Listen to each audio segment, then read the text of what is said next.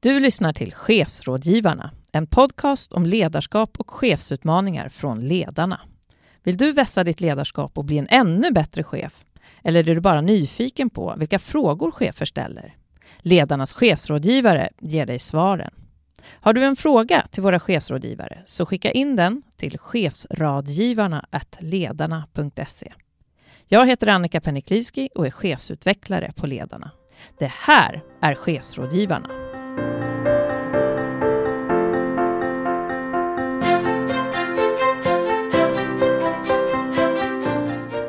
Idag ska vi prata om tjänstepension. Vad är tjänstepension? Och vad behöver vi göra för att få tillräckligt med pengar för mat på bordet, men kanske också för att kunna unna oss lite guldkant när vi väl är pensionärer? Det är några av frågorna som vi kommer prata om idag i Chefsrådgivarna. Och till min hjälp idag så har jag dagens chefsrådgivare Ove Ekebring. Välkommen! Tack så mycket! Och Erika Ropero, pensionsspecialist på Ledarna. Mm, tack så mycket! Pensionsspecialist, Erika, vad innebär det? Ja, jag representerar ledarna i organ som exempelvis PTK, där ledarna ingår tillsammans med 26 andra förbund. Och eh, PTK då förhandlar tjänstepension inom privat sektor. Och sen så sitter jag också i OFR, Offentliganställdas förhandlingsråd, som då förhandlar pension för kommun och landstingsanställda och även anställda inom statlig sektor. Och eh, där sitter jag i beredningsorgan, det är eh, pensionsexpertsgrupp. Då. Och eh, vi pratar mycket pension, vi analyserar och bereder frågor och samt följer upp hur avtalen tillämpas. Så vi pratar mycket pension helt enkelt. Mm, spännande. Prata pension ska du få göra hela det här programmet också. Mm, härligt. Enligt en undersökning som gjordes 2018 av Demoskop på uppdrag av pensionsbolaget AMF så vi, den visade att så mycket som varannan svensk mellan 25 och 50, de uppger att de inte har någon koll på pension. Och lika många säger att de sällan eller till och med aldrig tänker på pensionen. Vad säger det resultatet? Ja, jag är inte speciellt förvånad över det resultatet. För att för hos de flesta människorna tänker vi alltså att pension ligger så, fram, så långt fram i tiden. Så att eh, man tänker ju inte på att det är faktiskt sin uppskjutna lön. Det är ju en uppskjuten lön som du ska leva på. Det, och så tänker man heller inte, man förstår inte hur lång tid som man behöver pension. Så att, eh, ja, hur upplever du då Ove, när det gäller eh, kunskapen och intresset av pension? Ja, det är ju ofta som våra medlemmar när vi är ute och håller kurser säger det att det här borde jag, den här kursen borde jag varit på för 20 år sedan. Ja. När jag kanske var 40.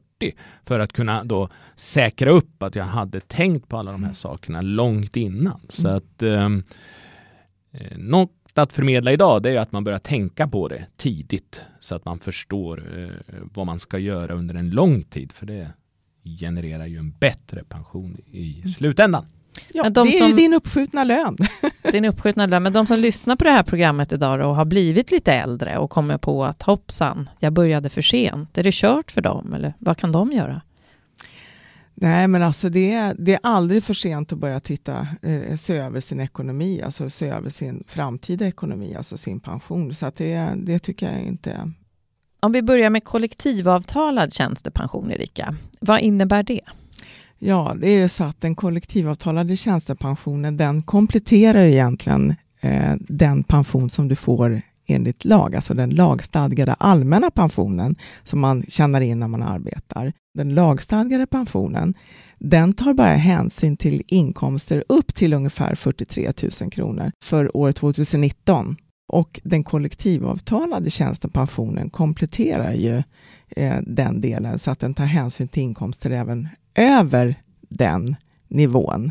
Så man tjänar ju för sig in både under och över den nivån. Och i eh, kollektivavtalad tjänstepension, då är det ju dels är det ju eh, pension som du kommer att tjäna in och dels så innehåller ju den ett eh, efterlevandeskydd om du skulle avlida så att du kan komplettera det om du skulle avlida för din familj då.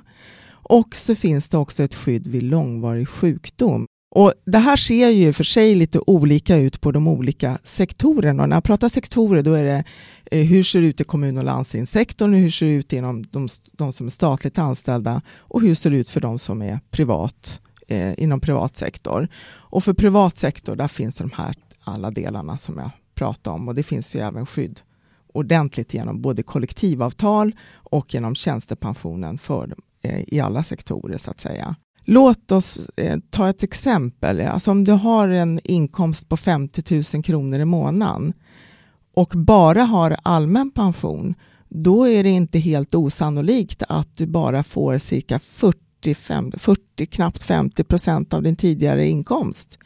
Eh, därför är det viktigt att ha tjänstepension, för att då kan du komma upp till en nivå på mellan 60 och 70 procent i alla fall med tjänstepension. Mm, så då kan du få den där lilla guldkanten på bordet. Ja, den ja. som vi så gärna vill ha. Ja. Men hur vet jag om min arbetsgivare har ett kollektivavtal eller inte? Jag tycker att du kan, eh, naturligtvis så kan du fråga arbetsgivaren om eh, det finns kollektivavtal på arbetsplatsen och det framgår ju absolut i ditt anställningsavtal, eller hur Ove? Ja, verkligen. Och, och, och det är ju så att eh, jobbar du inom stat, kommun, landsting, då är du ju hundraprocentigt säker på att du har ett kollektivavtal.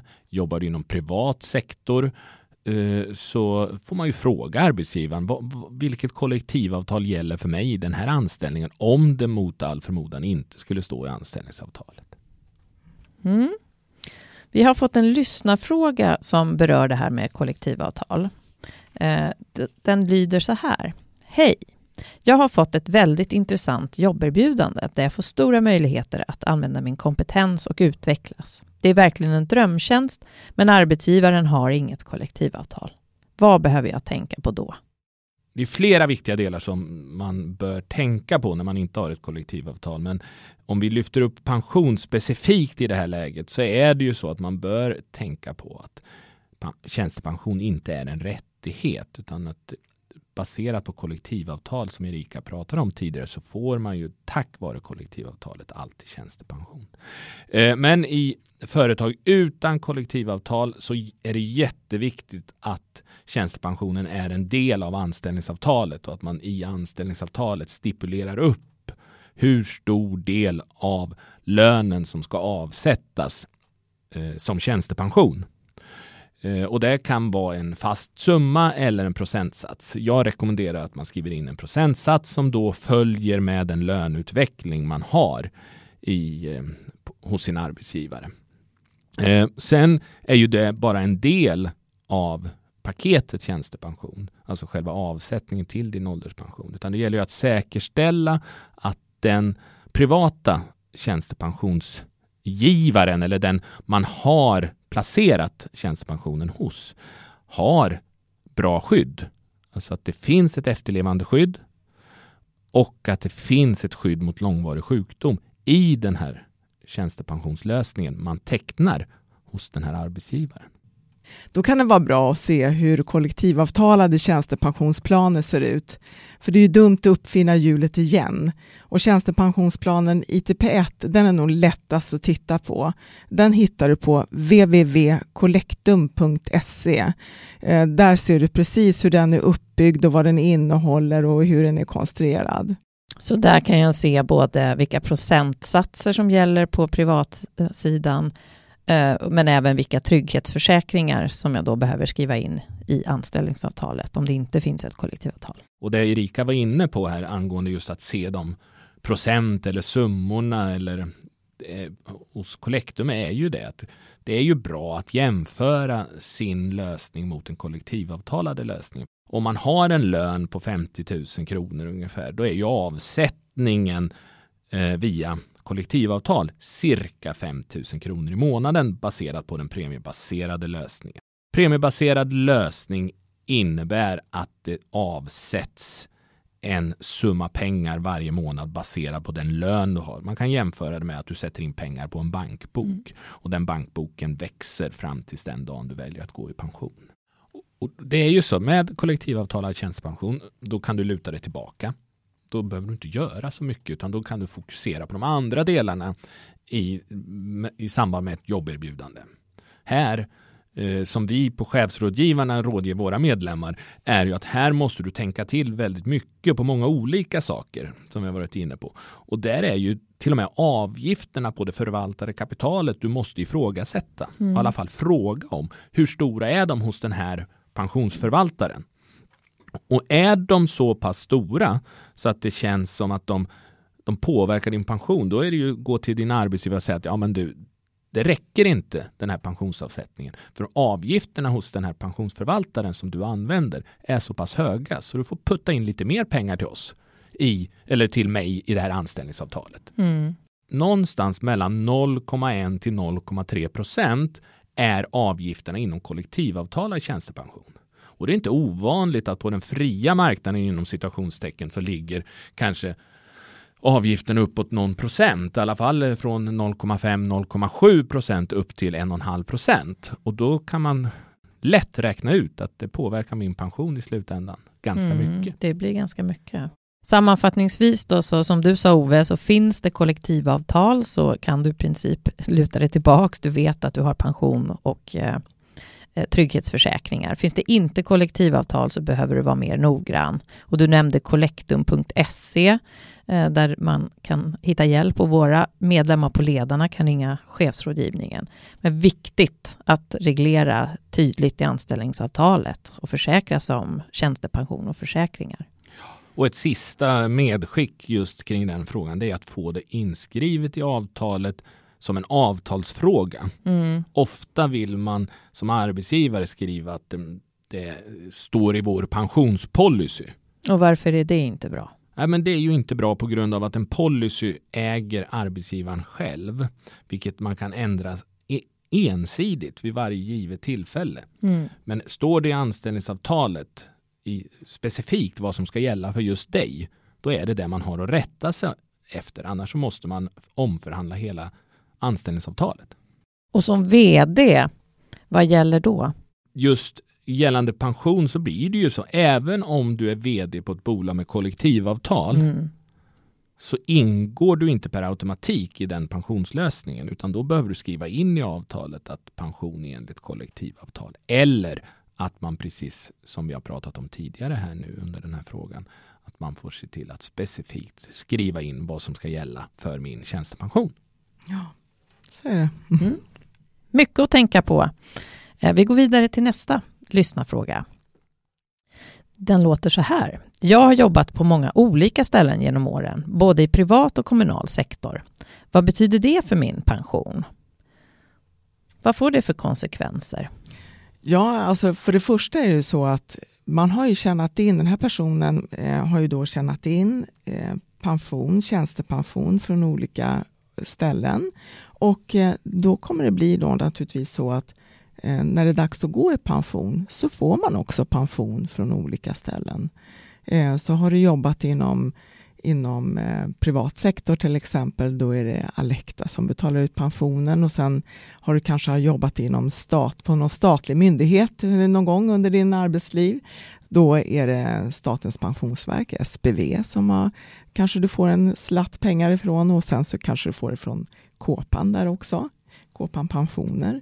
Så att det ser, man får alltså därifrån man har jobbat. Så att det för att få ett liksom, sammanhängande bild så tycker jag att man kan gå in på minpension.se och se vilka eh, delar man får ifrån. Så. Finns allt jag behöver veta om min egen pension där? Ja, det ska finnas. Ibland kan det, kan det vara delar som, eh, som inte har tagits upp därför att man är försenad. Och det tycker jag att man, då ska man ta reda på varför det inte finns. Jag tycker att man ska gå in på minpension.se eh, titta på de inbetalningarna som finns eller de delarna av den, din pensionslösning, pensioner som finns. Du ser vilka som är inbetalda där. Eh, och är det så att du, tänk, att du ser att men jag har ju jobbat eh, exempelvis inom kommunen ett antal år här och det finns inte med, då tycker jag att man ska ta kontakt med sin tidigare arbetsgivare och fråga om det. Mm. Eller direkt till, till den pensionsadministratören och fråga hur man ska gå tillväga. Då. Mm. Så minpension.se. Ja, Vad den är du, jättebra. Alltså, mm. Minpension.se. Eh, har man inte gått in där, eh, då ska man göra det. För till att börja med så samlar den ju ihop alla olika pensionslösningar i princip som finns på hela marknaden i Sverige eh, och då där du sen kan se vad du har. Och när du väl vet vad du har, då kan du också se vad du får i tjänstepension. Och i samband med när man tänker sig att gå ut, gå i pension, då gäller det att skulle jag något år eller ett par år innan börja kontakta de här olika eh, förvaltarna för min pension och ställa lite frågor kring vad jag ska tänka på och på vilket sätt jag kan ta ut de här olika lösningarna hos den här förvaltaren så att man verkligen får en bra bild av hur jag kan tänka på eh, eller vad jag ska tänka på i samband med uttaget av pensionen i det läget. Och då är det ju perfekt att kunna då ha min pension som .se som en grund och sen så eh, gå vidare därifrån och ringa upp de här eh, för att få en bra bild. Men har jag som anställd någon skyldighet att eh, hålla mig ajour med att betalningar går in? Skyldighet vet jag inte, men det är väl alltid bra att vara lite om sig och kring sig kring de här sakerna och kontrollera att allt stämmer. Eh, och det är ju så, har du en premiebaserad lösning, alltså en inbetalning som sker varje månad, så är det väl bra att någon gång per år kontrollera att de här inbetalningarna har skett. Collectum eh, har en lysande lösning där, där du via ditt bank, mobila bank-id bara loggar in på collectum.se och så kan du se alla inbetalningar som har skett på det. Och, eh, eller om man har en, en, inrapporterad lön kan man också se och kontrollera den där. Eh, och jobbar man i, med icke kollektivavtal, alltså privata, du bara ringa upp och se att, det, att fakturorna har betalats och att pengarna finns på kontot och att de förvaltas som de ska. Yes. Vi går vidare till eh, vår sista lyssnarfråga. Eh, och den här kan jag verkligen känna igen mig i. Eh, så här jag har förstått att det är viktigt att tänka på det här med pension, men jag tycker att det är svårt. Jag vet inte vad jag ska göra eller vem jag vågar lita på. Kan jag få någon hjälp av någon som inte har någon egen vinning av de tips och råd jag får? Vad säger ni? Vi som tycker att det här är lite krångligt och eh, blir uppringda av personer som tjänar pengar på oss. Vad kan vi göra? Ja, alltså är du, jobbar du inom privat sektor eh, och har kollektivavtal eh, kollektiv, tjänstepensionsavtalet ITP, då kan du använda PTK rådgivningstjänst. Och eh, det är en eh, tjänst som är oberoende, som ger oberoende råd, både hur du ska placera din, din, eh, eh din, din tjänstepension och eh, även Eh, vad du ska, hur din ekonomi ser ut om du skulle avlida, för det, alltså hur ekonomin för familjen ser ut, alltså ditt efterlevande skydd, vad du bör komplettera med där. Och även vid sjukdom, vid långvarig sjukdom, hur ekonomin ser ut där. Så den är alltså uppdelad i tre delar, inte bara pension. Och den ger finansiell rådgivning, finansiell individuell rådgivning om pension. Och då är det så att du loggar in med BankID, du ger tillåtelse till, eh, du godkänner att den ska ge, hämta uppgifter om dig eh, och sen så, ger, så får du konkreta råd. Efter, naturligtvis måste du, så ställer den en rad frågor till dig och sen så får du konkreta råd om vad rådgivningstjänsten rekommenderar dig att göra. Och den följer rådgivningslagen så att det, den är väldigt, väldigt bra. Ja, det, alltså, mm. det är ju skulle jag säga. Det, det måste man bara göra. Alltså, mm. alltså, all information vi ger till våra medlemmar när de ringer till oss eller när vi håller kurser och så vidare. det är ju det viktigaste vi kan förmedla. Det är ju min, eh, att man går in på rådgivningstjänsten.se och där får information om hur man kan tänka eh, kring att placera sin ålderspension och vilka val man ska göra i, mm, för efterlevandeskydd och, och, och man blir långvarigt sjuk. Så att eh, än en gång måste vi bara slå slaget för rådgivningstjänsten. www.rådgivningstjänst.se Det är PTK rådgivningstjänst och den gäller tyvärr bara för privatanställda. Ah. Så det är alltså PTK som har tagit fram den. Så att eh, den gäller ju inte för eh, eh, ja, eh, medlemmar som, som, till exempel jobbar inom, inom eh, offentlig sektor. Alltså Vad kan inom, de göra? Ja, för dig som arbetar inom kommun och landstingssektorn, du kan få mer information om hur tjänstepensionen fungerar hos KPA. Och eh, du som är statligt anställd, du kan få mer information om hur den statliga tjänstepensionen fungerar hos SPV. Eh, och det finns ju ingen rådgivningstjänst i den bemärkelse som vi har talat om tidigare. Men eh, de här ställena ger bra information om hur respektive pension fungerar. Och du kan läsa mer på ledarna.se pension.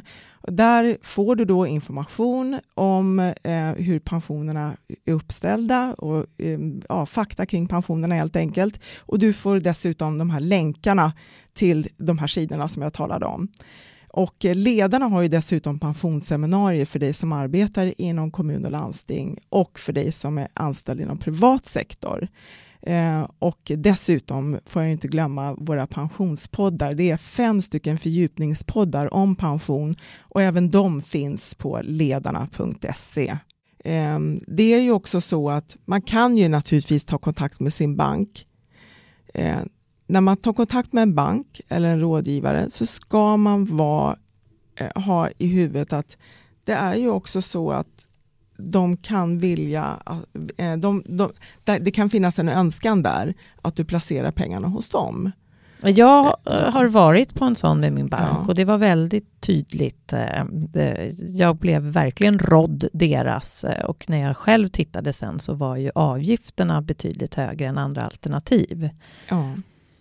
Mm. Och, och, det är det mm. som vi väl då, alltså banken eller andra pensionsförvaltare är jätteduktiga på pension. Mm. Det är inget snack om saken. Men de har ju ett tydligt syfte. Mm. De är ju vinstdrivande organisationer. Mm. Rådgivningstjänst.se är oberoende, vilket innebär att de har ett annat synsätt på hur de ger råd, vilket är ju en ynnest eh, när du jobbar inom privat sektor och har kollektivavtal. Mm. Att du får den möjligheten. Mm, och det var ju precis det som vår lyssnare var ute efter här, en oberoende. Men även på minpension.se och kollektum.se och inte minst de kommande fem pensionspoddarna från ledarna. Och sen har vi ju seminarier på ledarna och ger kunskap om vad man ska tänka på. Eh, sen hur man ska placera, det, det kan inte vi eh, råda någon i, utan det, det måste man läsa på, ta in information från olika håll och sen göra de val man tycker är lämpliga. Och det gäller ju även rådgivningstjänst.se såklart. Att man, det är inte att man ska ta det och bara ändra där heller, utan man, man får ju ta det som ett ytterligare verktyg för att kunna göra rätt val. Och det är väl kanske det som gör den här frågan så komplex och det är därför så många har ångest. Precis, man tar det där imorgon istället. Ja. och tycker man att det är besvärligt, vi har pratat om många, äh, många länkar och gå in här och gå in där, så är det så att vi skriver på ledarna.se eh, på sidorna om pension, om du bara går in under pensionssidorna, Eh, så, så står ju alla, alla de här länkarna som vi har pratat om här, finns där. Mm, de finns ja. sammanfattade där och ja. det kan ju alla ja. se, även icke-medlemmar. Ja, mm. precis, absolut. Mm. Stort tack Erika och Ove för idag. Tack själv. Tack, tack. Och tack till våra lyssnare och en påminnelse om att har du en fråga så glöm inte att skicka in den till chefsradgivarna ledarna.se.